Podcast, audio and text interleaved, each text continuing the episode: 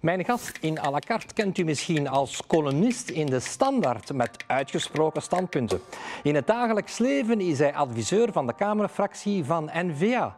Maar in de eerste plaats is hij historicus. En omdat hij een boek schreef over een oude pandemie uit de 14e eeuw, wou ik het graag hebben met hem over verleden, toekomst en nog veel meer met Joren Vermeers. Wat denkt u nu van Brussel? Is Brussel een helhol? Lukt er niets in Brussel? Hoe gaat het nu met Brussel? Goed of slecht? Gaan we nu vooruit of achteruit? Een stad waar te veel auto's zijn? Of zijn de fietsers te arrogant? Wilt u er komen wonen of willen jullie juist weg? Joran Vermeers, welkom bij à la carte. U heeft een indrukwekkend boek geschreven over een pandemie. Niet over corona, maar wel over de Zwarte Pest. Het boek heet 1349, dat is het jaar. is wel indrukwekkend. U vertelt dat op drie maand tijd een derde van de bevolking van onze contraien dood was. Ja, eh, inderdaad. Eh, dank u wel, eh, Lucas, voor de uitnodiging. Um, het was een, een, een, een, ziekte die een enorme tol geëist heeft van de bevolking. En daar zijn eigenlijk tal van interessante uh, elementen aan verbonden. Um, en waar ik in mijn werk op gefocust heb, is enerzijds het economische, maar ik zou graag iets belichten um, dat verband houdt met Brussel. Mhm. Namelijk een, mentale uitspatting die verbonden is aan die, uh, aan die totale uh, bestaansonzekerheid op het hoogtepunt van die epidemie. Want die sterfte van, van ongeveer een derde van de bevolking die was gecomprimeerd in een enorm korte periode. Um, wat mensen eigenlijk heeft toen ja, zoeken wanhopig naar, naar, naar, oorzaken, naar redenen, oorzaken en een oorzaak die ook kon uitgeschakeld worden. Dus men zocht een zondebok? Men zocht een zondebok, de scapegoat-theorie. In, mm in, in, verschillende uh, streken van Europa waren dat bijvoorbeeld de Melaatsen die eigenlijk mhm. beschuldigd werden.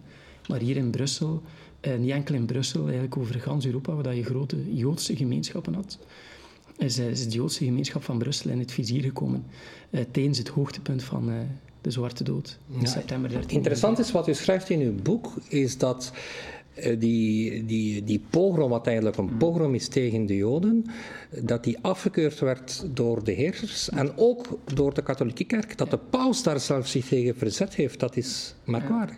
Ja, dat is een, een, constante in de, in de geschiedenis van het uh, laat-middeleeuwse, middeleeuwse Europese Jodendom. De Joden die hadden eigenlijk schrik voor de volksmassa, die uh, impulsief was in die mhm. periode. En die zich ook ja, uh, te buiten ging aan eigenlijk uh, latent religieus racisme, grenzend aan haat ten opzichte van de Joodse bevolking.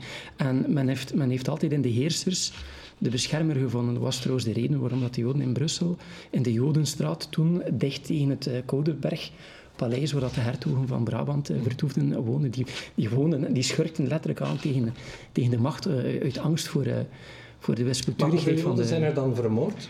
Uh, in die periode ongeveer 30 uh, eh, in dat ene bloedbad. Uh, de, de, de, voltallige gemeenschap van, van, van Brussel eigenlijk. Mm -hmm. Een dertigtal families. Mm -hmm. Dat wordt beschreven in een chroniek, een schitterende chroniek die ligt in de Nationale Bibliotheek. Ja, want u heeft heel veel opzoekingswerk gedaan. Ja. Wat bijzonder interessant is, is dat u het niet alleen over, die, over de pest heeft, maar ook over de jaren nadien. -hmm. En de reden dat wij je uitgenodigd hebben is natuurlijk eh, dat wij ons afvragen of er parallellen zijn met de pandemie die, die wij nu hebben meegemaakt. Want de pest was ook een pandemie. Er was in die tijd al sprake van een globalisering. Ja, er moet, er moet uh, uh, economische globalisatie zijn alvorens er een pandemie kan uitbreken, uiteraard. Dat je mondiaal handelsverkeer nodig hebt. En, uh, en, en dat is natuurlijk een, een, een, een, parallel met vandaag. Het is een product van van uh, economische globalisatie. Nu, het is een interessant uh, gegeven om erover te gaan filosoferen. Wat zijn de parallellen, wat zijn de contrasten? Maar er zijn natuurlijk wel enorme contrasten. Hè.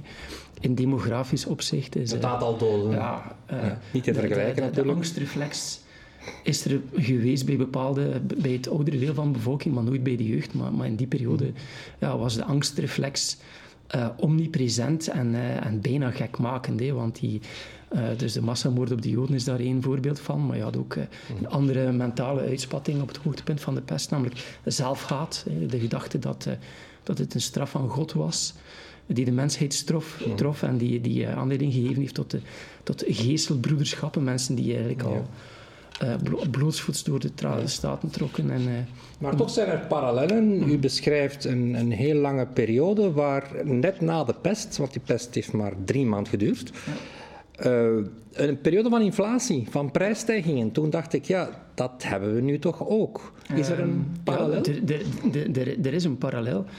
Um, niet enkel door corona, maar ook door de bankencrisis en zo verder, heeft de Europese Centrale Bank uh, uh, eigenlijk jaren een enorm grote geldcreatie gedaan.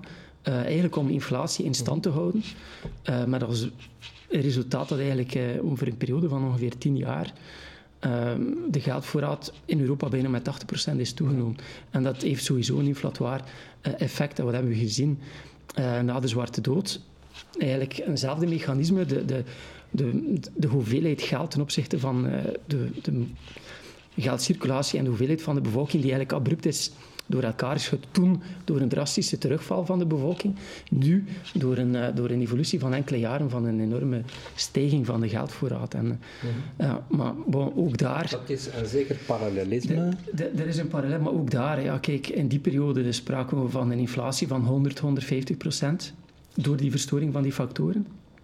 Uh, nu zou de inflatie die veroorzaakt is door het te veel aan geld in de maatschappij niet meer dan 3% van de huidige inflatie ja. uitmaken. In uw columns uh, haalt u heel vaak historische argumentatie. Een van uh, een zeer interessant, interessante redenering in uw column was spreekt over uw geboortestad Nieuwpoort en u, u haalt daar een, een, een, eh, een wet uit, eh, een verordening uit de 12e eeuw, waar staat dat uh, iemand die één jaar en één dag in Nieuwpoort woont, dat hij een vrije burger wordt. Toen dacht ik, dat is natuurlijk wel, als ik nu denk aan standpunten over migratie, uh, hoe verliep dat in die tijd dan? Dus mensen kwamen zich vestigen in Nieuwpoort en die werden vrije burgers. Ja, um, er woonden wel al mensen in die stad toen die stad gesticht werd, maar dat was eigenlijk een mechanisme om uh, migranten vanuit het platteland aan te trekken uh, naar de stad. Want u moet weten,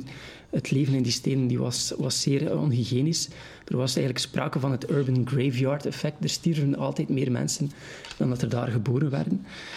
Um, en een stad kon eigenlijk maar groeien door grote permanente massale immigratie vanuit het platteland. En het platteland was natuurlijk uh, feodaal in die tijd. Daar leefden de mensen onder de knoet van adel en kerk.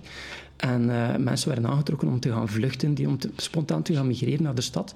En de heer die had eigenlijk één jaar de tijd om zijn lijfeigene of knaap of meid terug te eisen. Ja. En als hij die, dat jaar liet verstrijken, dan was die man uh, of vrouw een vrije burger, maar daarom nog niet een burger met, uh, met echt de, de gelijke democratische ja, vergelijking loopt mank, ja, maar, ik moest toch denken aan een stad als Brussel, die ja. op het einde van de vorige eeuw een verouderende stad was. Mm -hmm.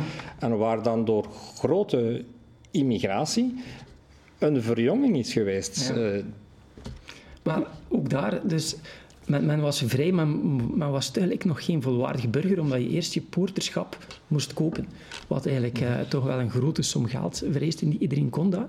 Dus je had in die middeleeuwse steden ook een onderklasse van mensen die in naam vrij waren, maar eigenlijk in de praktijk... Mm -hmm.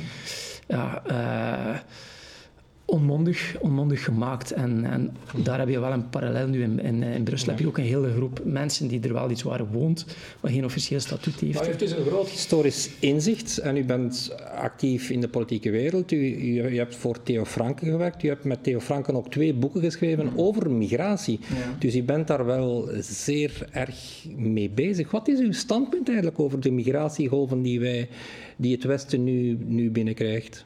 Uh, ik vind dat een enorm algemene vraag. Ja. ja. dat is eigenlijk een historisch proces geweest van, van zeer grote omvang, hè, ja. die eigenlijk de maatschappij enorm diepgaand getransformeerd heeft. En ik denk dat de, de migratiegolven, vooral dan de intercontinentale migratiegolven, die op gang gekomen zijn vanaf eigenlijk uh, de jaren 60, uh, eh, echt wel qua, qua, qua duurzame impact op de maatschappij te vergelijken zijn met de andere zeer grote processen van verandering, zoals de secularisering, de industrialisering, de individualisering.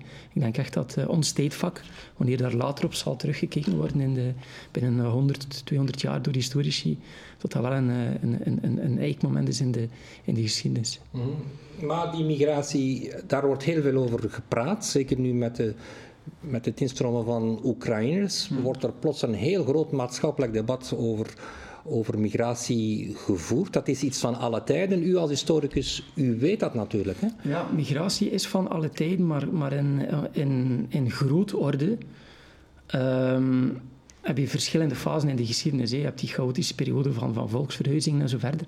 Maar daarna is er echt wel een, een, een lange periode geweest van een relatief statische eh, bevolking. Ja, er waren weliswaar migraties om economische redenen, handels, handelsredenen en zo verder, maar niet eh, in, de, in, de, in de grootordes eh, die we gezien hebben in de tweede helft van de 20e eeuw en in de eerste helft van de 21e eeuw. Want het is ook alleen maar blijven, blijven aandikken. Hè. Als ik kijk naar, naar in het eerste decennium na de, van, van, van, ja, dit millennium, had je positieve migratiesaldi van, goh, van, van bijna 50.000 mensen eh, in België per jaar.